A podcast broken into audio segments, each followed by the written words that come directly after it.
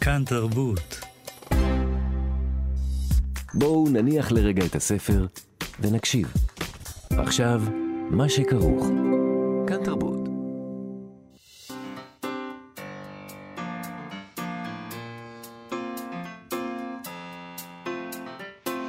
מה שכרוך. עם יובל אביבי ומה יעשה לה.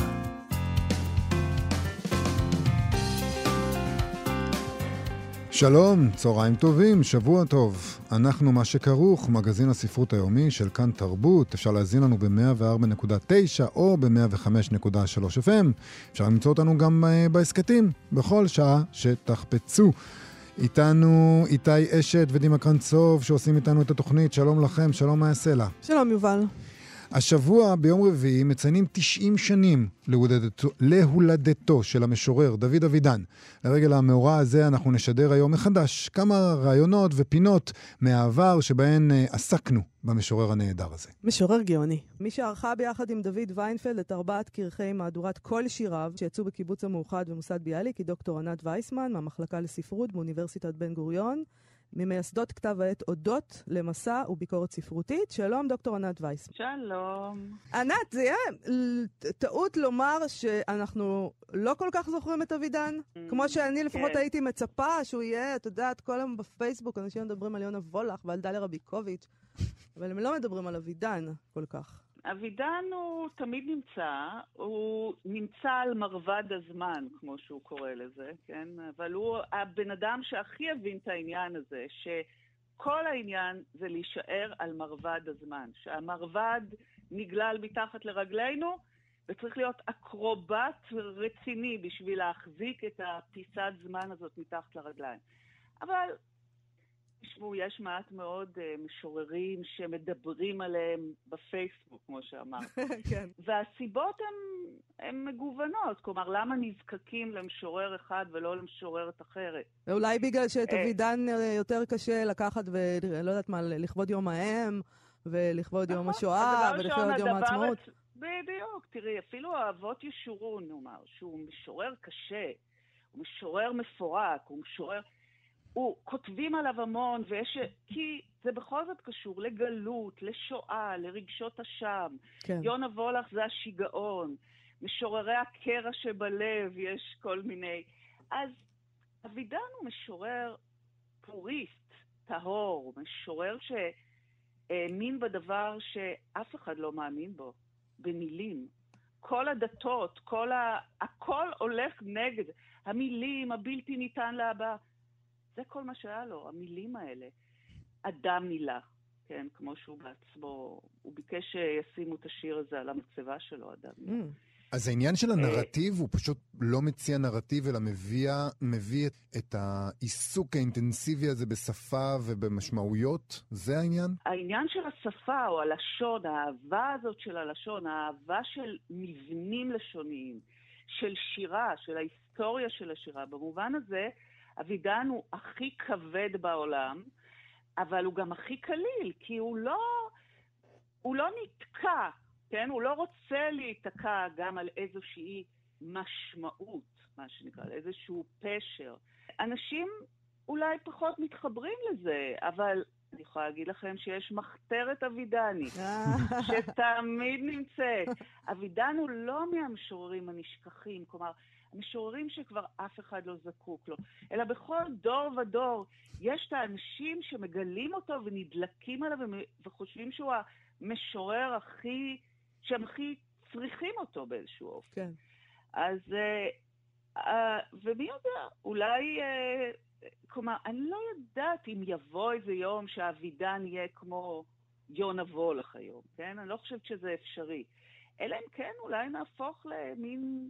אנשים שהם סייבר פיפול, בדיוק, זה יתאים לו, שמשהו בעתיד יקרה.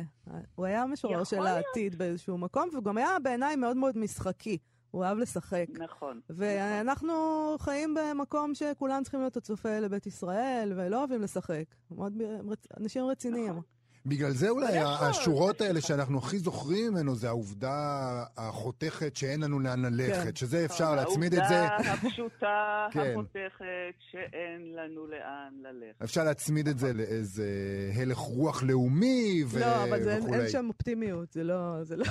לא מספיק, לא אבל תופס. זה, אבל זה בכל זאת אקזיסטנציאלי, זה קיומי. כלומר, אבידן הוא עם השנים נעשה פחות ופחות תמטי, ויותר ויותר הופך את העניין הזה של אין לנו לאן ללכת, המבואות חסומים, הוא הופך את זה לפואטיקה. כלומר, אין הבדל בין הכתיבה שלו לבין השאלה הזאת, האם יש לאן ללכת, ומה עושים עם הדבר, עם העובדה הפשוטה והחותכת הזאת, שאין לנו לאן ללכת. אז זה נעשה קשה וקשה עם הזמן, אבל גם, כמו שאמרת, מאיה, גם מאוד משחקי. כן. ויש לו ממשיכים, יש לו ממשיכים. מי הממשיכים שלו, למשל?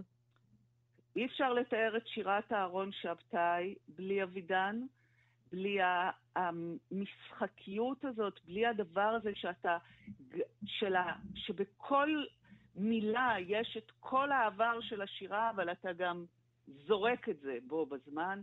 אפרת מישורי, הצעירה אולי מביניהם, אה, אני- אה, זלי גורביץ' כמובן, מהמם. שאי אפשר לתאר אותו. עכשיו, שכולם אנשים זה- שממש מתעסקים באמת בפירוק הזה של השפה, ב- ב- בפירוק של המשפט, בפירוק של הדקדוק. וגם הם, הם אוהבים לשחק. לשחק, נכון. כן, הם גם לא, הם לא אה, נבהלים מלהיות משעשעים, כן. מלהצחיק. כלומר, השירה אצלם היא לא שירת היחיד שרק יושבים אה, במיטה עם איזה נר וקוראים שיר, אלא זה מקום שבעצם אלה שלוש... אה, גם הממשיכים, כמו אבידן, זה משוררים בסגנון של מייקובסקי, כן? כלומר, שבעצם מה שהם היו רוצים זה לעמוד באולמות ענק. זה כן. משוררים פרפורמטיביים גם. אולי שבתאי פחות במובן הזה, אבל אה, אצל שבתאי זה הולך לכיוון אחר, אבל אה, גם הפוליטיקה, כל הנושאים הם בעצם בסופו של דבר, זה לא שזה אנשים לא פוליטיים וזה אנשים שהם לא אכפת להם או שהם לא סובלים חס וחלילה. כולנו סובלים, לא ניקח מהם את הסבל, את הפצע, אבל זה לא הנושא של השירה שלהם, כן. כן? זה, זה ההבדל אולי. אנחנו צריכים לסיים, אבל ביקשנו ממך לבחור אה, שיר, לקרוא לנו. אוקיי, אז אה, אני אקרא שיר שהוא לא פופולרי כל כך, אה, הוא מ-73, שירים שימוש... מתוך ספר שלו שנקרא שירים שימושיים. עכשיו הוא הזמן. עכשיו הוא הזמן להתחיל משהו שלא ייגמר, בשורות קצרות וארוכות, בחרוז, לא לבן, לא בוער, לא בוער, יש לי זמן, ונניח שכן בוער, ונניח שלא אצלי, אלא אצל מישהו אחר. היינו הך, לא קובע עניין של מקום וזמן, קלפים ואקדח ודרכון, ודרכון, קלפים על השולחן, קלפים על הראש, קלפים ביד, קלפים חזקים. משהו שמרים ולא מוריד, עניינים עמוקים. עמוקים מן ים, עמוקים מן דם, משהו שמגיע, משהו שחותך למעלה, רקיע אחר רקיע, לא רגוע ולא מרגיע ולא נרגע, רוצח בכוונה תחילה ונרצח בלי שגגה, עובר מקיר אל קיר ומדם לדם, בזמזום של חרק, במלמול של חולה, של בן אדם. משהו שהולך לישון אבל לעולם לא נרדם, לא במיטה ולא על אבן ולא על מים. ושמעו עליו על הארץ, וחקרו עליו בשמיים, והזכירו אותו בתפילות, בבתי חולים, בבתי ספר, בבתי סוהר, בבתי גללים, שהכניסו לו עד העצם, יכולים או לא יכולים, עד עצם העניין, עד עצם העצם, ובין הגלגלים, ובין הרגליים, ובין הידיים, ובין העיניים, ובין האוזניים, ובין הכנפיים, ובין השיניים. נכנסו ויצאו הפוכים, ומי שחזר חזר, נגזר ברוח, נגזר בגשם, בחרב נגזר, ובא על עונשו ברגע מר מתוק, ולמד לצעוק לפני שלמד לשתוק. עכשיו הוא הרגע הנכון להכניס לו מהר ועמוק, אבל העניין לא פשוט, ואין כבר עם מי לדבר. לא עם אדם קרוב ולא עם אדם אחר.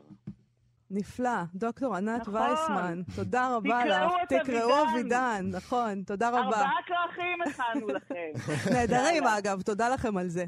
תודה.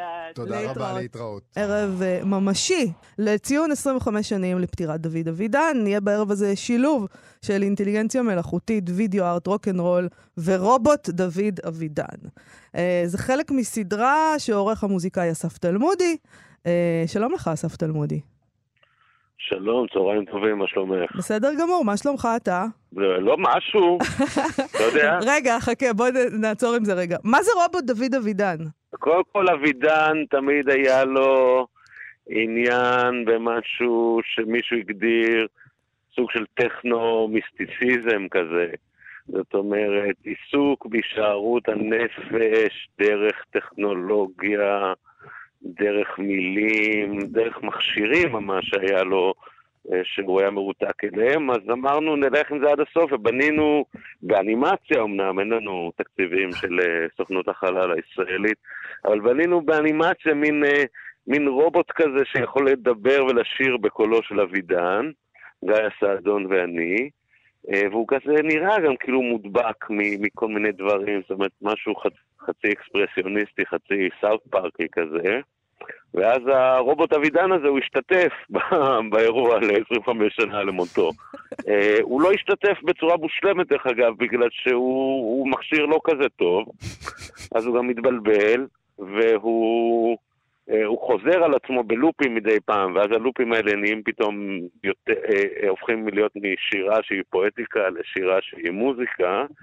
אני גם, מאיר ויזלטיר יעלה ויישא דברים, ולפי התוכנית שלי, הרובוט אבידן אמור אה, מאוד לא להסכים איתו, אולי להתווכח איתו, אולי להעליב קצת את ויזלטיר החי נהדר. אה, במהלך האירוע. אני חושב שאבידן היה גאון, ומי מי אני, באמת קטונתי, אבל יכול להיות שאנחנו אה, נוסיף אולי נימה מסוימת של הומור עצמי שלא הייתה לאבידן החי. תגיד, אולי תלמודי, לרובוט שלנו יש. אולי נשמע, כדי שיבינו משהו ממה שהולך להיות, נטעם, את הלב שלך שחור, תגיד לנו מה זה. אז אה, אבידן השאיר אחריו הרבה הקלטות, ואני חייב להגיד שכל אחד שמתעניין ב... ב בקימרה הזאת, במיסינג לינק הזה בין דיבור למוזיקה ואיך אה, שירה ספרותית מתפקדת בתור החוליה החסרה הזאת בין דיבור למוזיקה, אה, אה, ייטיב עם עצמו וישמע ביוטיוב המון ראיונות והקלטות של אבידן קורא את שירתו, והשירה הזאת כבר, כשהיא שלעצמה, היא מאוד, יש בה מוזיקה מאוד ספציפית, באופן מוזר יותר שמחה ואופטימית מהתוכן הסמנטי של המילים. ואז אנחנו לקחנו פה חתיכה אחת, אור אדרי וקרן טננבאום ואני, לקחנו חתיכה מתוך שיר שנקרא קריאה בקפה, והיא שורה שיש בה משהו כאילו מעגלי, הוא לא חוזר עליה. אבל אז ברגע שחזרנו עליה כמו בלופ, אז פתאום נהיה שם לחן קומפלט, שזה לא לחן שלנו בעצם, זה בעצם לחן של אבידן לחתיכה קטנה מתוך שיר ארוך, שפתאום נשמע אופטימי ואיום ונורא באותו זמן. נכון, אז בוא נשמע, נשמע את הלב שלך שחור.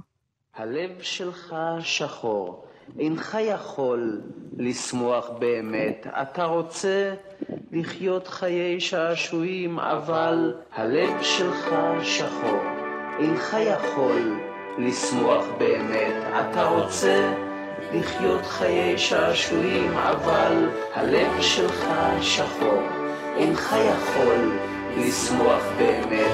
אתה רוצה לחיות חיי שעשועים, אבל הלב שלך שחור, אינך יכול לשמוח באמת. אתה רוצה לחיות חיי שעשועים, אבל הלב שלך שחור. כן, לא יודע, אותנו זה, זה מצחיק איכשהו. לא, תגיד, אה, אז כשמלחינים את אבידן, הדברים האלה פשוט אה, יוצאים מעצמם? הוא פשוט, זה קל להלחין אותו אז כי הלחן כבר בפנים? תראה, זה, לא, כל אחד והטכניקה שלו, כי גם איתמר רוטשילד ישיר לחנים שלו, אה, אה, איתמר הרבה הרבה יותר אה, אה, אה, פואטי ועמוק ממני, אני כאילו מחפש איזה תחכום טכנולוגי ואז איזה משהו אידיוטי בתופעת קצה. מה שאתם שמעתם זה לא ממש לחן לאבידן, זה לחן של אבידן, שמה שקורה כשאתה נותן לקול של אבידן סתם לחזור. אה, אה, בלופ, אני אפילו לא יכול להגיד, זאת אומרת, אני, אה, אני הוספתי את ההרמוניות, עשיתי מזה ג'ינגל כזה, כאילו, פתאום היה, כאילו, פתאום זה נשמע, אולי כאילו בצורה שהתחיל כל השירה של אבידן, זה מין ג'ינגל נורא, נורא שנון ומושחז ווירטואוזי לכמה איום ונורא זה להיות בן אדם. כן, כן. אבל נגיד שאיתמר מלחין את השירים שלו, יוצא שם משהו אחר, זה יוצא יותר עצוב. תגיד, אבל אתה חושב שבאמת אבידן היה כל כך עצוב? אה, בדיוק אה, אה, אתמול נדמה לי, נכון? אתמול או שלשום קראנו השבוע סטטוס של גיא אסיף, שבו הוא כן. אמר, אנחנו כולנו זוכרים את אבידן כאיזה מין שבור כזה, ועצוב, ורציני, ובעצם הוא אומר, היה בו הרבה יותר הומור מאשר לא, אנחנו לא. נותנים... תראה, בשירה אני לא בטוח כמה יש הומור. באישיות אני לא מכיר, לא, לא עצוב זה העניין, אבל למשל תסתכל אצל אבידן, הוא היה פוטוריסט, נכון? זאת אומרת, מהרבה בחינות אפשר, אפשר בהשטחה להגיד שהוא היה פוטוריסט. הוא האמין ש, שמבחינה טכנולוגית, השיפורים הטכנולוגיים הם, הם, הם, הם, אה, אה, הם דבר טוב. זאת אומרת, הצעידה של הבן אדם להיברידיות עם המכונה, לכל הדברים האלה היא דבר טוב. אבל אם תסתכל, נגיד, עוד פעם, ברמה מאוד שטחית, הוא היה סוג של פוטוריסט פסימי. זאת אומרת, ההבדל בינו לבין פוטוריסטים איטלקים נגיד, או לפוטוריסטים רוסים, זה שהוא... הפוטוריזם, החדווה הטכנית, החדווה הטכנית המילולית, בסוף, אתה יודע, אנשים לפעמים מצטטים את השיר הזה של אין לנו בעצם לאן ללכת, כאילו זה איזה שיר ציוני כזה, או איזה משהו למדינה או משהו. אה, לא, אל תצחקו, זה לא יאומן. אני אומר לכם עוד פעם, אתם לא מבינים כמה מטומטמים יש בחוץ, כאילו, לא יודע כמה עמוק האולפן שלכם מתחת לאדמה, אבל רמות הטמטום שמקיפות אתכם הם לא, זה לא יאומן. אז שמעתי גם את האין לנו בעצם לאן ללכת הזה, כאילו כזה, אין לנו ארץ אחרת. העובדה הפשוטה חותכת, כן. כן. אבל אתם יודעים, זה, זה איום ונורא, זה מסר אה, אה, נוראי, ואני מסכים איתך שיש שמחת חיים ופוטוריזם ואיזושהי אופטימיות טכנית, ובפנים אה, אה, מסר די מדכא, לא? לא יודע, אולי זה אני.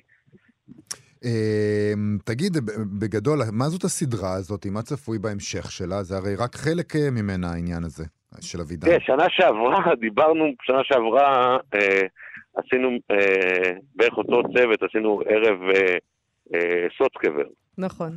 אה, וכאילו, אנחנו בווייב של לעשות ערבים ספרותיים, שאולי מבחינת השאלות שהם בוחנים, הם, הם מנסים להיות רציניים, אבל זה ערבי ספרות ומוזיקה שקצת רוצים לשבור את הקונבנציה של איך עושים את זה, אה, ותמיד מערבים אה, קונצים אה, ורעיונות שהם טכנולוגיים ומווידאו ארט ואיזשהו ערב ספרותי כזה שבו גם אם מישהו נושא דברים אז אתה מגלה שהוא בעצם עושה פרודיה על מישהו שנושא דברים ו...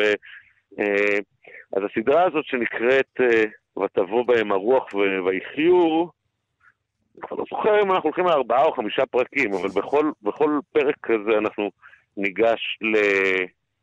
ניגש לדמות מופת אחרת מהספרות העברית או היהודית או הישראלית, ו... ולא כולם יהיו עם, עם, עם רובוטים ואנימציה, אבל בכולם יהיה מין אה, היברידיות כזאת של טכנולוגיה ושאלות כבדות עם, עם איזשהו אה, מופע פני שטח די בידורי. אתה כבר יודע מי, מי יהיה בהמשך? מי עוד צפוי אחרי אבידן? אנחנו, uh, התכנון זה דיאלוג uh, uh, מתוח ואולי לא מובן בין מאיר אריאל לשפינוזה, סביב oh. גיאומטריה וסמים פסיכדליים. אתה מאתגר את עצמך, אני מבינה, אוקיי. תראי, ברגע שאתה, ברגע שאתה מתחיל להיות שרלטן, אין לזה סוף. לא, אבל ברצינות, כאילו, יש לנו רצון להתעסק במין דיאלוג מדומיין כזה אה, בין מאיר אריאל ושפינוזה אה, וגיאומטריה ואסיד. אה, ואנחנו רוצים לעשות אחד, מה זה עושים? יש תאריכים נראה לי, אפשר לקנות כרטיסים לדבר הזה, אבל... אה, מי אם לא אתה ידע, כאילו, אנחנו, אין לנו מושג. תגיד לנו אותה. אנחנו נגיד. שזה- זה קורה בנווה שכטר. זה קורה בנווה שכטר, זה, מקום צועק והוא הרבה יותר רציני מהדובר שדובר איתם עכשיו, נכון. והכרטיסים הם דווקא אפשר לקנות אותם בקלות בכרטיס אשראי באתר אינטרנט. אה, בוא נגיד גם, בוא נגיד, אוקיי. ויואל הופמן. אה, יואל הופמן.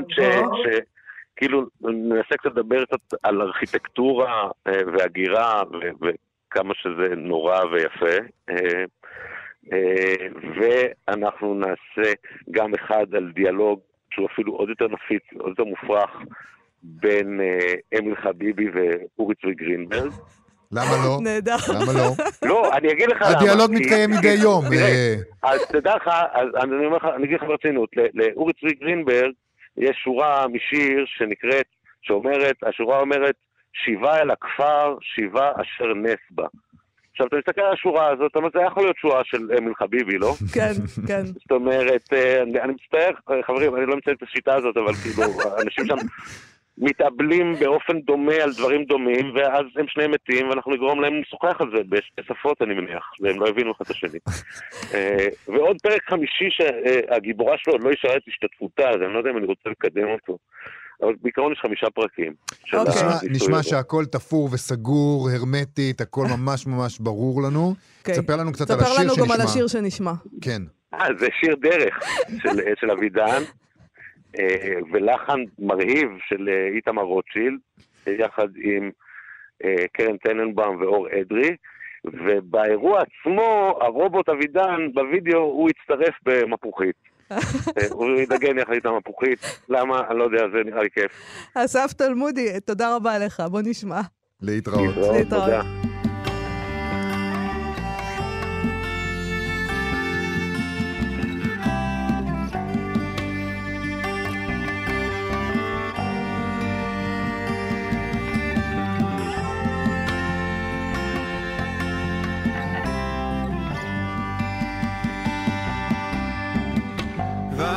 חושבים הרבה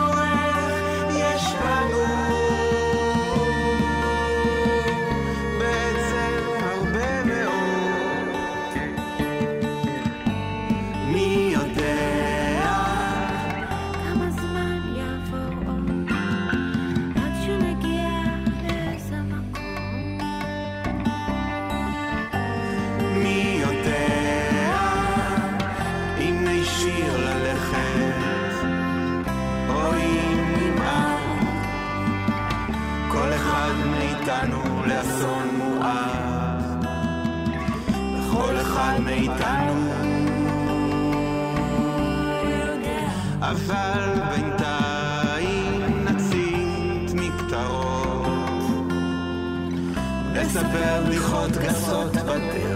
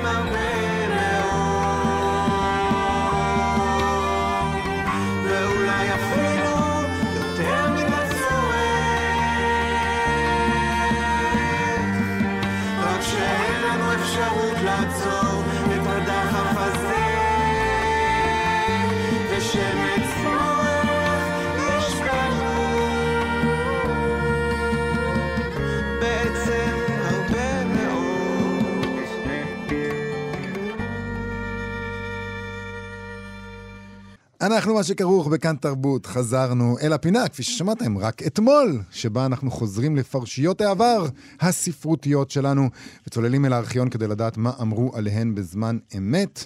ואיתנו כתמיד בפינה הזאת אלעד בר-נוי, שהוא עורך ומגיש פופ-אפ, וגם עורך זינוק לאתמול, תוכנית הארכיון הנפלאה של כאן תרבות. שלום אלעד בר-נוי.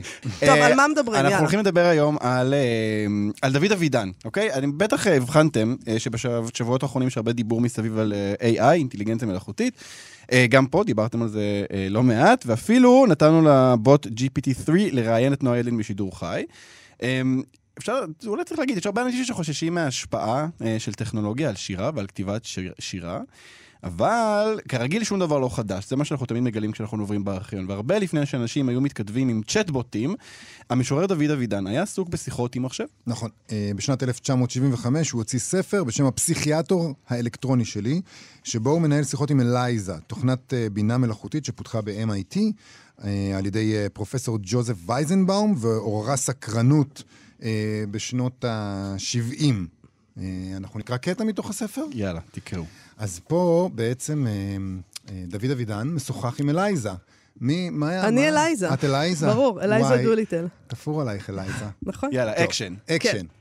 הלו, מה שלומך? נא הצג את בעייתך. אולי תואיל אתה להציג את עצמך? דיברנו עליך, לא עליי. מוטב שנדבר עליך ולא עליי. אם מדובר באפשרות, שנדבר עליי ולא עליך. אולי בהזיותיך נדבר זה על זה. תיקון טעות. לא נדבר. נדון. ובכן, אולי תואיל להתייחס לצרתי? אולי אתה מוכן לפרט? כמובן. אם אני עומד לדון בבעיותיי איתך, האין זה טבעי שארצה תחילה לדעת עליך קצת יותר? אתה בטוח? כמובן. הבנתי. לא כל כך הבנת. אם באמת הבנת, אולי תואיל לומר לי מה הבנת כדי שאבין מה הבנת. דיברנו עליך, לא עליי. אוקיי, בוא נחזור אליך. לפני שאדון בי איתך, אני רוצה לדעת עליך יותר. הו, אני? האם אינך מודע לזהותך? האם זהותו של מישהו אחר מדאיגה אותך? לא, זהותו של מישהו אחר לא מדאיגה אותי. זהותך מסקרנת אותי. האם אתה אומר לא רק לצורך השלילה? כמובן שלא. לא יכולת לחשוב על סיבה טובה יותר? אתה נשמע די בוטח. בוטח לחלוטין, אבל טרם הגדרת את זהותך כמבוקש. נשתתק בגלל תקלה טכנית, הוא כותב. הלו, מה שלומך? נא הצג את בעייתך. אתה זוכר את שאלתי בעניין זהותך? האם זה מרמז על משהו אחר אה, ששייך לך? כן. אני מעוניין לדעת מי אתה, כדי שאוכל לבטוח בך יותר לצורך דיון בבעיותיי. מדוע אתה אומר בעיותיך? משום שאני מניח כי בעיותיי נשארות בעיותיי כל עוד לא נדונו איתך. מדוע אתה אומר שבעיותיך נשארות בעיותיך כל עוד לא נדונו איתי? די פשוט, לא? ברגע שאני מתחיל לדון בהן איתך, אני משתף אותך בהן. אולי בהזיותיך אנחנו מתחילים לדון בהן ביחד. מדוע אתה חושב שיש לי הזיות? אם אני הוזה, אתה עלול להיות חלק מהזיותיי, כלומר, בלתי קיים. אולי אתה מוכן לפרט? ודאי. אם אני נמצא ברגע זה במצב הזייתי כלשהו, איך אוכל לדעת שאתה חלק ממציאות כלשהי? האם אתה שואף להימצא ברגע זה במצב הזייתי כלשהו? לא. מדוע לא? מדוע כן? הבנתי. אתה, זה נשמע קצת כמו שיחה עם פסיכולוג כזה מהנהן, לא? צריך להגיד רגע משהו על אלייזה, שהיא הייתה גרסה מאוד מאוד אה, ראשונית של הדבר הזה, ובאמת מה שהיא עשתה בדרך כלל זה למצוא מילות מפתח בשאל, ב, במה שאמר הגורם האנושי, ולנסות לשאול עליהן שאלה תוך חזרה על השאלות האלה. זה היה די ראשוני. GPT-3 יותר מתוחכם. נכון, גם, אולי צריך גם להגיד אה, שיש אה, יש ספק לגבי הא- האותנטיות של השיחה הזו, האמת שאם מאזינים אז זה די ברור שזה לא, זה לא הגיוני, כלומר זה לא אמיתי. יש כאן אה, אה, אה, אה, המצאות. בכל זאת, מדובר במשורר, אה, זה, זה זכותו לעשות את זה. אה, לא רק אני חושב ככה, גם אה, צבי ינאי, מנכ"ל משרד המדע לשעבר, הוא הטיל ספק באותנטיות של השיחות. כשהספר יצא במהדורה מחודשת, הוא אמר, אבידן טען שהוא פרסם את השיחות בתיקוני עריכה מינימליים ואני מפקפק בכך. אין בחוסר האותנטיות הזו שום דבר רע. החירות האומנותית מתירה לאבידן לשנות את השיחות, אך מרגע שהתעורר בי ספק לגבי האמינות של הדברים, איבדתי בספר עניין. ואפשר באמת לשים לב, יש פה קטע שאומרים על אבות, על בעיות, ואז הוא עובר לדבר על הזיות, מאיפה הוא הגיע למילה הזיות בכלל, יש דברים שהם... משהו קצת עובד טוב מדי כאן. כלומר, גם החריקה הזאת של השתיקה, אה, היא נשמעת אה, אה, מיוסף. בכל כן. מקרה, אנחנו פה אה, בשביל לשמוע קטעי ארכיון, נכון? אמת. אה, אז אבידן אהב מאוד אה, לעבוד עם טכנולוגיה ומכשירים חשמליים ומזכירות אלקטרוניות, אה, והתחקירן שלנו בארכיון, רונן וייס, מצא כמה קטעים שהוא מדבר, שאבידן מדבר בהם על החיבור שלו לטכנולוגיה. הקטע הראשון שנשמע הוא מהתוכנית אלם ועלמה משנת 1975, אין לנו תאריך מדויק. המראיין, בני שי נחמד, שואל אותו על העיסוק שלו לעתיד, בעתיד, ומה הקשר שלו לעתיד, אה, וזה מה שאבידן עונה- לו. אה, אין לי כל נוסטלגיה על יצירות שכתבתי בעבר, אני חש עליהן קשר מיוחד, ומה שיותר חשוב לי אה, הוא הכושר לחזור ולתעד דברים בעתיד. הכושר לתעד את הניסיונות או את החוויות העתידיים הרבה יותר חשוב מהתיעוד של הניסיונות או החוויות אה, העבריים. אבל אתה נראה כאדם שמוקף במכשירים חשמליים של ההווה, האם הם תורמים תרומה כלשהי לשירה שלך? מכשירים, חש... מכשירים אה, חשמליים של ההווה זו, זו הגדרה רחבה, יש, יש, יש כבר בהווה מכשירים אה, לא רעים ולתקוותי הם ישתפרו ואם הם יחדלו לשמש אותי אפשר תמיד להחליף אותם. כפי שאמרתי בשירי הוראת ביצוע, מכשירים ואנשים, אנשים ומכשירים, להחליף להחליף, כל שני וחמישי. זה היה בתקופה שהיו בחיי אה, יותר אנשים מאשר מכשירים. כפי שאמרתי נפלא. בשירי. רגע, כבר אמרתי את זה בשיר, למה אתם מטרידים אותי בשאלה הזאת שוב? אפשר להחליף מכשירים ואנשים. מאוד מעניין בעיניי ה- העניין במכשירים חשמליים, כלומר, השנה היא 1975, והעיסוק במכשירים חשמליים, אפילו מדובר כאן על אה, אינטליגנציה מלאכותית, כן? עצם זה שהוא מתעסק בש... במכשירים חשמליים, שהוא מדבר עליהם והוא משתמש בהם לעבודה שלו, זה משהו שמעורר עניין. וזה, וזה די מדהים, כי זה עד היום ככה. אה, אתם יודעים... אה, עדיין אנחנו מדברים במטאפורות הרבה פעמים של פרחים, שמיים וזה, וכאילו אין מספיק, אין, אין הרבה שירים עם מטאפורות של שואב אבק. יש, אבל אין הרבה. וזה כאילו איכשהו, אנחנו עדיין לא מצליחים לה- להתנתק מהדבר הזה. אני חושב שהמכשירים הם אה, גוף זר, הם לא חלק מהעולם באמת, הם לא טבעיים, הם זה לא... גם מאיים על הדבר, במיוחד כשזה בא בהקשר של אומנות, נכון? כי אנחנו מסתכלים על אומנות כמשהו טהור, שאדם יוצר מעצמו. כל מה שסופר צריך זה דף. ו... ועיפרון, נכון? אה, אז אנחנו מסתכלים על זה בתור משהו נשגב שאנחנו פשוט יוצרים מעצמנו, והמכשירים האלקטרוניים נורא מקלקלים את התפיסה הזאת. פתאום יש איזה מין עזרים כאלה, נורא נורא זרים לנשגבות האנושית. אה, בהמשך הראיון, אה, בני שי נחמד שואל את אבידן מהי העבודה השירית הבאה שלו, וזה מה שהוא עונה. אני עובד עכשיו על ספר שירים חדש שיצא לאור בקרוב, יוגש לדפוס בזמן הקרוב ביותר.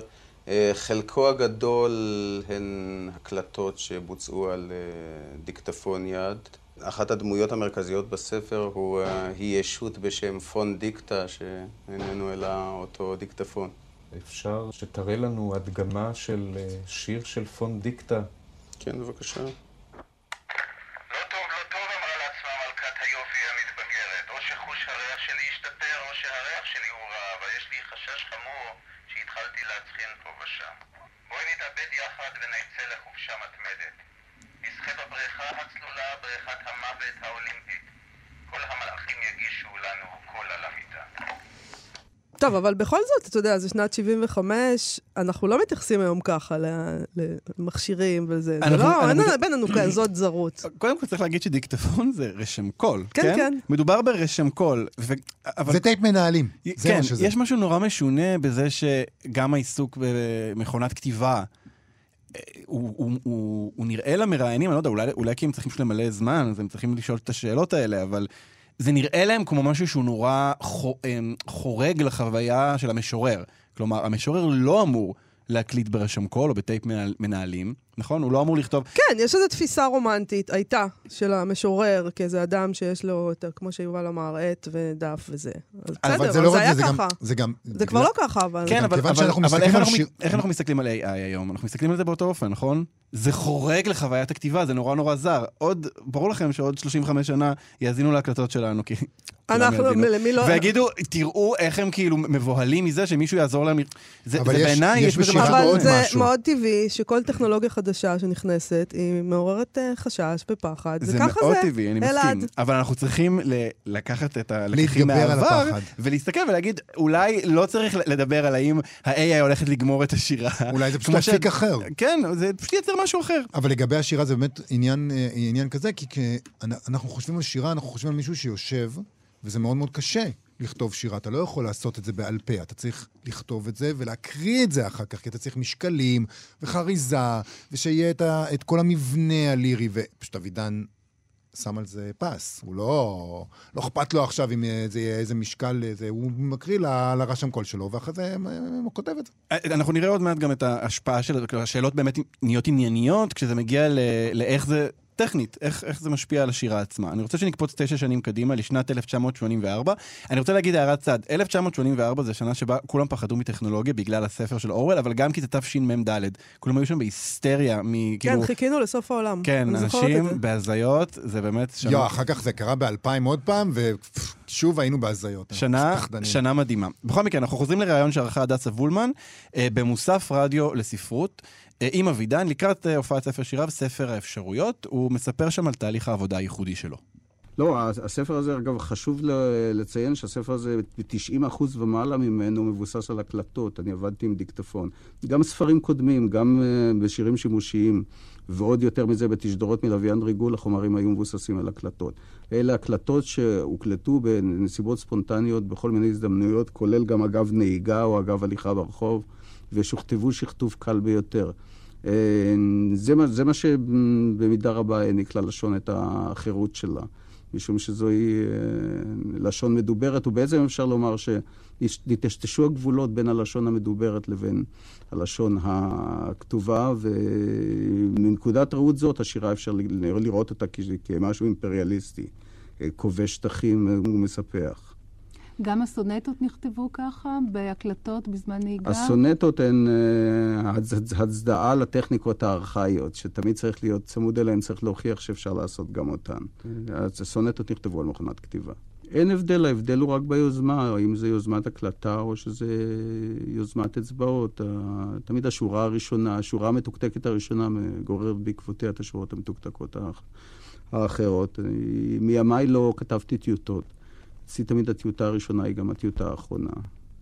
מדוע? זה מתן כבוד לאינטואיציה? אני לא עושה שום דבר פעמיים, אני כותב כמו שציירו הציירים הסינים במשיכת מכחול אחת. כל התהליכים הטיוטתיים מתייחסים, מתייחסים, מתרחשים בתוך המערכת, ה- בתוך מערכת העצבים, שם, שם חלות המחיקות ושם חלים התיקונים, וכשהתוצאה יוצאת, בין אם אוראלי או בין אם אה, ידני טקטוקי, היא יוצאת אה, מושלמת. אז הנה, אני חושב שהוא מאוד מרגיע. הוא אומר לנו, אתם חושבים שיש הבדל, אבל אין הבדל. פעם לא כתבנו בכלל. אין הבדל ממה שאני עושה לבין uh, המעבר לנוצה ודיו. לא? זה בוודאי אתם... שיש הבדל. זה לא מה שהוא אמר, הוא לא אמר שאין הבדל. לא, הוא אומר, מה שקורה בראש, זה הדבר המהותי. לא, עובדה שאת והטכנולוגיה... הסונטות הוא כותב ב... הוא כן כותב על דף. ו... תראה, אה, אנחנו פה מדברים על דוד אבידן. כן. אה, שהוא היה גאון. כן. אה, הוא מדבר על זה שהוא לא, אין לו טיוטות. כן. משהו... אז אם זה נכון, אז, אז זהו. אז אה, בוא נגיד לך, יובל, אל תנסה את זה בבית. אה, לא. זה דוד אבידן, הוא אני- יכול אני לעשות את רוצה זה. שיש משהו... רק שנייה, אני רוצה להגיד שהוא מדבר על טכנולוגיה בצורה מאוד מרעננת בתקופה... הוא היה מאוד... הוא, היה, הוא לא היה מאלה שמסתכלים על GPT-3 ומפ- ומבוהלים. לא, להפך, הוא אומר, חלוץ, זה ברור. הוא אומר שאנחנו מסתכלים בכלל על טכנולוגיה לא נכון. כל דבר שאנחנו עושים הוא שימוש בטכנולוגיה. גם, גם אה, לכתוב במכון הכתיבה, זה לאו דווקא בהכרח איך שאמורים לכתוב את החומר הקלאסי. החומר הקלאסי יכול להיות נכתב לפני שהומצאה מכונת הכתיבה. זה לא שאת זה צריך במכונת כתיבה. הוא אומר, טכנולוגיה זה סתם, זה לא סתם, זה אמצעי, הוא פותח עוד שטחים, אנחנו כובשים את העולם הזה באמצעות הטכנולוגיה, וגם את השירה אנחנו כובשים באמצעות הטכנולוגיה. משהו ששמתי לב אה, איך שאבידן מתראיין, זה שאני מרגיש שהוא קצת, אה, כאילו, הוא קצת מהתל במראיינים. כלומר, הוא כזה אומר, אוקיי, מה אני צריך עכשיו להגיד בשביל שיישמע טוב? זה, זה לא נשמע לי בכלל נאמן לאיך שהוא באמת כותב או מה שהוא באמת חושב. יש משהו ב... הוא כאילו נותן את החומר שהמראיינים ישמעו כדי שיהיה להם ממה לעבוד, אבל נראה לי שבלב הם, וואי, הם פשוט, הם לא מבינים מה, אין להם מושג מה... אין לי מושג. אה, אני רוצה שנשמע עוד קטע מראיון, הוא מסביר פה בראיון ממש את, ה, את ההשפעה של היתרונות בעבודה עם דיקטפון, עם הקלטות. אה, זה מתוך המשורר כמפעל מילולי, שזו תוכנית דוקומנטרית שעשו על השירה שלו, 23 במרץ 1985. מראיינת אילנה צוקרמן. הוא גלאי של איכויות. לגבי המשורר עצמו? הוא גלאי של איכויות, לא רק לגבי עצמו, לגבי השפה בכלל, הוא גם גלאי של, אה, של עיתויים. גם העיתוי הקובע הוא... לכן למשל עבודה עם דיקטפון היא עבודה משמעותית, כי אתה, אתה יכול להקליט באמת דברים ב, ברגע שבו הם אה, נחבים, ברגע שבו הם צריכים היו להיאמר. אז זה באמת, פה יש סימולטניות מאוד מעניינת. זה לא תהליך של עיבוד או שכתוב, אלא זה תהליך של... אה, כמו בעריכה קולנועית. מה זה עוד פותח באמת עבודה עם דיקטפון, אם אנחנו כבר הגענו לעניין של הדיקטפון? זה. אלה הזדמנויות להתבטאות ב... בתנאים משתנים.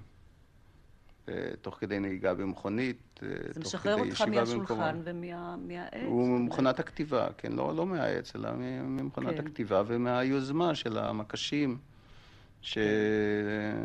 שלפעמים זה לוקח זמן פסיכולוגי וזמן כרונולוגי להתארגן אליה. ההתרחשות השירית מתרחשת ישר לתוך, מכשיר, ואחר כך היא עוברת עריכה מסוימת. עריכה, בשתי- עריכה מסוימת, כן, אבל אלה צילומים דוקומנטריים של התרחשויות שיריות, שעוברים אחר כך אה, סוג מסוים של עריכה. טוב, זה כבר... אה, איזה סוג בדיוק של עריכה זה? לו עניין של. סודות מקצועיים, זה לא... תמיד רציתי להתפרץ לדוד אבידן. אתה סיימת, דוד. זה כבר 85. כן. זה מצחיק כן, קצת, כן, כאילו, זה זה. מין... אה, זה גם מצחיק וגם- חייזר הגיע לכדור הארץ. אני גם חושב... עם רשם קול. זה, זה אותן שיחות כל הזמן שחוזרות על עצמן, כן, עבר, עבר, עבר- באמת, עבר עשור מאז הפעם הראשונה שהוא דיבר על, ה, על ההקלטות, אבל שוב, הוא אומר עם עריכה מינימלית. זה ברור לי שהוא סתם אומר. הוא לא, הוא פשוט מין, א', הוא מצא טכניקה טובה להקליט עצמו את השירים, אני חושב שזו שיטה טובה בשבילו, אני חושב שזה באמת משפיע על האופן שבו הוא כותב, אני משוכנע בזה. זה גם מקדם מכירות טוב, נכון? לבוא ולהגיד, תשמעו, אני יודע להשתמש בדבר הזה, כן. כל השירים הוקלטו, זה, זה נושא שיחה מעולה. בסוף, יושב דוד אבידן, המשורר הגאון, וכותב את השירים, כן? גם את השיחות האלה או בפסיכיאטר... אומר בריאיון, אה, גלאי של עיתויים. של איכויות, כן, כן, כן, הוא זה- כאילו, הוא יודע, הוא יודע, הוא יודע את העבודה, גם הפסיכיאטר האלקטרוני שלי, זה טקסט מעולה, שהוא כתב. נכון. הוא זה כתב. נורא נחמד, זה- אני מרגיש שזה זה טיפ לנו כמראיינים. כן. הרצינות הזאת שבה, אה, כן, דיקטפון? אהה, זה מעניין מאוד. זה כאילו, זה רשם קול, וגם היא לא, יודעת אבל את זה. ככה כל אחד צריך לעשות את העבודה שלו, יובל. צ- בהחלט, צריך להתייח- שלנו. להתייחס מאוד ברצינות, ואני ממש רואה אותה מהנהנת בראש ככה, ואומר, אה, כן. תמיד צריך לזכור שאנחנו, אה, אסור לנו לחשוב על איך אנחנו נשמעים כשאנחנו מראיינים, נכון? אנחנו יכולים לשאול את השאלות הנורא טיפשיות באופן נורא דבילי, אבל אין מה לעשות, אנחנו צריכים לעשות את זה. הקטע האחרון שאנחנו נשמע הוא מ-1 בפברואר 1975. זה מתוך תפילת השכבה לרדיו. זו תוכנית פרודית שדני רווה ערך, ביים, הוא גם כתב את רובה, על תוכניות הרדיו, במלאת 100 שנה להמצאת הטלפון. זה קטע מיוחד, בואו נשמע.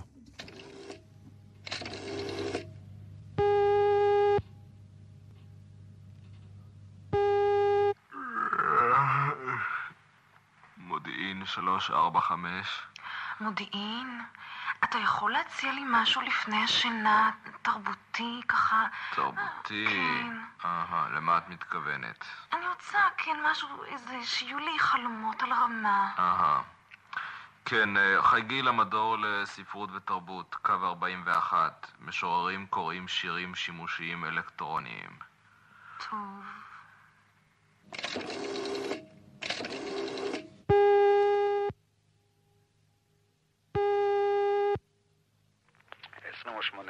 28 תל אביב, כאן דוד אבידן.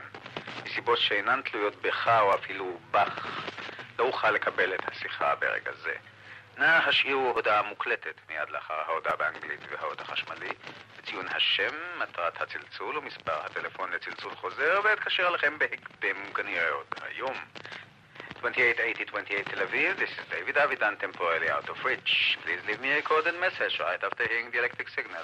Bye now. זה קטע בן כמעט זה 50 נפלא. שנה, ואנחנו נקראנו פה, זה קטע מעולה. זה מאוד מאוד מצחיק, וגם אה, זה מוכיח כמה המציאות היא פרודית. כי זה לא נשמע מופרך לגמרי, כל התרחשות שם. אה, ואתה אומר לעצמך, אוקיי, אולי אנחנו כולנו עסוקים באיזה פרודיה אחת גדולה. וגם, תראו מה קורה כשלא נבהלים. כאילו, בכלל, באופן כללי, מדברים. יש אנשים בכלל בארכיון שאנחנו רואים אחורה, והם כאילו מגיבים בהיסטריה לכל דבר, לכל שינויים, לדברים חדשים. והנה יש איזה גאון אחד שלא נבהל, והוא אומר, בואו בוא נראה מה אפשר לעשות עם זה. השנה היא 75, כן? זה קטע מאוד מתקדם מבחינת השימוש במדיום, זה הבנה מאוד מאוד טובה, לא רק של הומור, אלא של איך המזכירה האלקטרונית עובדת, ואיך זה, ואיזה צחוק זה יכול לייצר. ו- וזה מה שקורה כשלא נבהלים, ו- ואני אני מרגיש לגבי המון דברים שקורים היום, אנחנו נורא ממהרים להיבהל, בטח אה, אצלכם בעולם הספרות. נכון. נבהלים נורא מהר. ותראו את דוד אבידן, תהיו קצת בכל- דוד, תהיו קצת דוד תהיו- קצת דוד אנחנו אבידן. יוצאים מפה בקריאה כזאת. בדיוק, כן. תהיו- קצת דוד טוב, אבידן. הוא ידע קראטה והוא היה מהחלל, בטח שהוא לא. פחד. זה מה שמרשים אותו בדוד אבידן. הוא לא פחד, הוא ידע. להגן על עצמו, והוא תמיד היה יכול ללכת לכוכב שלו ו- ולהינצל. הוא ידע קראטה, לא, זה אין דברים כאלה. הוא זה היה מאוד חשוב לו, בסדר הקראטה. גמור, נכון. אמ, אז אה, בקיצור, המסקנה, המסקנה שאני רוצה שכולם יקחו מהפינה הזו, ובכלל מהארכיון, ובכלל בחיים, אה, תהיו דוד אבידן, ואני גם רוצה להגיד שוב תודה לתחקירן אה, רונן וייס על הקטעים האלה שהוא הביא. תענוג. תענוג אתה, אלעד ברנועי, תודה רבה לך. החלטנו גם לחזור לפינת ההיסטוריה תשפוט, אל ביקורת שפורסמה על ספר הביקורים שלו, ברזים ערופי שפתיים. הספר יצא בשנת 54, uh, הביקורת פורסמה בעיתון הארץ בשנת 1956, כתב אותה גדעון כצנלסון, והיא כמובן, כמובן ביקורת שלילית, שלא ראתה בספר הזה את מה שיהפוך את אבידן לחשוב כל כך. אבל זה יפה שהארץ אה, פרסם את הביקורת על הספר שנתיים אחרי שהוא יצא. הם מקפידים על איזה איחור אופנתי כזה. בכל אופן, כך נכתב שם. קל מאוד לבוא ולהוכיח את חוסר האונים השירי שזרוע בקובץ השירים הקטן של בחור צעיר הרוצה כפי הנראה לא רק לשיר, אלא גם לסלול נתיבי ביטוי ודימוי מהפכניים שדומים, לה, שדומים להם לא ראתה עין. אפשר לערער על מידת הצדק שבניתוח ספרותי, שמפריד יחידה שירית שלמה לחוליותיה ומצביע על חולשתה של כל חוליה וחוליה בפני עצמה, ועל ידי כך גם על חולשתה של היחידה השירית כולה. אולם, במקרה שלפנינו, דומה שפירוק כזה עשוי להעמיד את הקורא לא רק על חוסר ההיגיון, הטעם, ואפילו כל, על קנה, כל קנה המידה הספרותי, שלפיו נוכל באיזשהו אופן לחרוץ משפט על בתי השיר, אלא גם על, על העקלקלות שבביטוי ובדימוי שבגללן אי אפשר לנו בכלל לדבר על השירים המבוקרים כעל שירים גרועים יותר או גרועים פחות. ולפיכך, נאלצים אנו לדבר עליהם עם כל אי האדיבות שבדבר כעל לא כלום. אלה שורות הפתיחה של הביקורת. וזה ספר, לא ביק- כלום. ספר ביקורים. אה, זה ספר ביקורים גאוני. אה, ספר גאוני, כאילו, זה ברזים ערופי שפתיים, זה, זה כבר קלאסיקה, אבל בסדר. הוא לא חשב ככה. את יודעת, מבקרים יכולים להיות חריפים ולכתוב uh, בצורה עסיסית מאוד, ואחר כך לגלות אחרי שנים שהם טעו לחלוטין. זה קורה. המבקר הזה ממשיך ומחטיף לאבידן, קורא לו בעל ברזים. בעל ברזים, לאורך כל הביקורת בסוג כזה של... אה, בעל ברזים ערוזי שפ- ערופי שפתיים, אינו מביא לפנינו התרשמויות, כפי שהן מתייצרות, מצטיירות על ידי הסתכלותן החיצונית של עיניו, או על ידי תגובתם הפנימית של חושיו, הוא פשוט בודד דימויים והשאלות מליבו. על כן אין הדימויים והשאלות האלה מעודים על עומק ההתרשמות, אלא על מלאכה חרוצה של מפיח כזבים. אפשר להגיד מבחינת השיר, על חלקם הגדול ביותר של השירים שהם, פשוטו כמשמעו, שקר. המבקר עושה ניתוח מלגלג וחריף של השיר פתאום ותוהה אם חולשתם של שירים אלה, שהגדרנו אותם כנבובים, נובעת מאוזלת ידו של הכותב, או שמא נוכל למצוא את סיבותיה של החולשה שהטילה עלינו אימים כאלה גם בתחומים אחרים.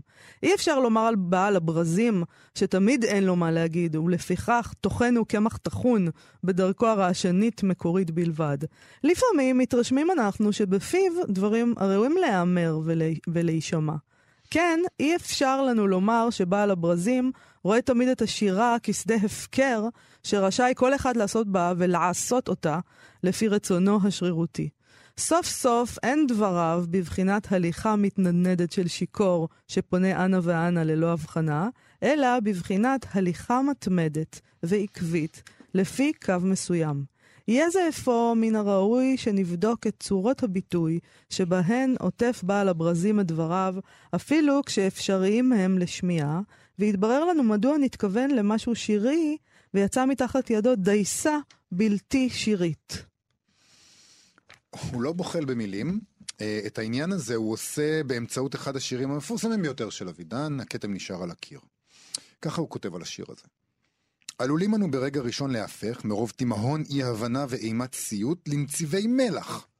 כתם היה על קיר ואי אפשר היה לגרד אותו, כי היה כהה מדי, בצבא, ומשך את הקיר בירוק. אבל הכתם, שבמקרה זה היה בהיר מדי, נשאר על הקיר. בא סייד וסייד את הקיר, אבל הכתם, שבמקרה זה היה שוב כהה מדי, נשאר על הקיר. בא בעל הברזים והלם באגרופו בקיר זה, אבל הפסיק להלום כי הוסבר לו שהקיר עלול ליפול, אבל הכתם יישאר על הקיר. העמידו את בעל הברזים ליד הקיר וירו בו, ואז האמין שלפחות דמו הניגר הוא שיכסה את הכתם, אבל לתימהונו, הכתם נשאר על הקיר. והוא ממשיך, בעל הברזים רצה כאן, כפי הנראה, לציין מציאות אומללה, שהוא קורא לה כתם, שאינה ניתנת לשינוי בכל דרך שהיא. אפילו יישפך לבסוף, למען השינוי הזה, דם, וזהו רעיון. שאילו ניתן לו שימוש סמלים צנוע, יכול היה אפילו להיות רעיון שירי נאה. אולם השימוש בכתם כבסמל הלהיב כל כך את משוררנו, עד ששכח כי אף שימוש זה טעון הגבלה. ללא הפסק נשימה, על כל צעד ושעל וללא כל צורך, אתה מוצא כאן את הביטויים כתם בהיר מדי וכתם כהה מדי, והכתם נשאר על הקיר, ושוב כתם, ועוד פעם כתם, וחוזר חלילה כתם, ואתה שוכח שסמל לפניך, ורואה רק מילה מציקה אחת שחוזרת ונשנית, ואתה מתרשם שגמגמן ספרותי לפניך, שכלי ביטויו, שכלי ביטויו הם פגומים, והשיר פוסק על ידי כך להיות שיר, שמרחיב את דעתך והופך להיות מעמסה. השימוש הבלתי מוגבל בביטוי, שצריך היה לסמל מציאות אומללה, הסב ויפרוד דעתך לחלוטין מן הסמל, והפנה את תשומת לבך לצורת ניסוחו בלבד. ואתה רואה לא מציאות אומללה, אלא שיר אומלל, שימוש בלתי זהיר ובלתי מועיל זה בסמלים, אם יתרחב ויקיף גם דימויים והשאלות, עלול, פשוטו כמשמעו, להסתיים באסון שירי. אסון שירי. בסוף הביקורת הוא טוען, ידינו שפכו את הדם הזה. בעל ברזים ערופי שפתיים אינו עשב פרא במדשאה התרבותית, הוא רק טבעת אחת בשלשלת ארוכה של גודמים לו. שיריו הם פרי מפתיע, אבל הכרחי, של תופעה שלא רק סבלנו אותה, אלא גם קראנו לכבודה הידד בהתלהבות מרובה. האסכולה השירית ששלונסקי הוא אביה, ומתווה דרכה, בברזים ערופי שפתיים אנו קוצרים בדמעה את מה שזרענו ברינה. חריף, חמור. אני הלכתי לבדוק מי זה גדעון כצנלסון לכבוד הדבר הזה. אה, ראיתי שבשנת 1993 יצאה אסופה של מסות שהוא כתב על אה, שירת אורי צבי גרינברג, שערך אבידב ליפסקר, אה, וזה מה שהוא כתב עליו שם. פרטים ביוגרפיים, גדעון כצנלסון נולד ב-1914, נפטר ב-1989, כלומר הוא זכה לראות בהצלחתו הגדולה של אבידן. נודע בחייו כמורה, מבקר, חוקר בספרות העברית החדשה. Uh, השירה של uh, אורי צבי גרינברג עמדה במרכז העשייה שלו, הוא פרסם עשרות מאמרי ביקורת בשנות ה-50 וה-60 במוסף הספרותי של עיתון הארץ, uh, בכתבי עת ספרותיים שונים. הוציאו עוד ספרים על שירת אורי צבי גרינברג. טוב, אני, מניחה שזה יכול לעודד את המשוררים והסופרים, שבסופו של דבר, מבין שני אלה, דוד אבידן נשאר על הקיר. עד כאן התוכנית שלנו על דוד אבידן, שהשבוע נציין 90 להולדתו. תודה לדימה קרנצוב ולאיתי אשת שעשו איתנו את התוכנית. בואו לבקר בעמוד הפייסבוק שלנו, נהיה פה מחר בשידור חי. להתראות.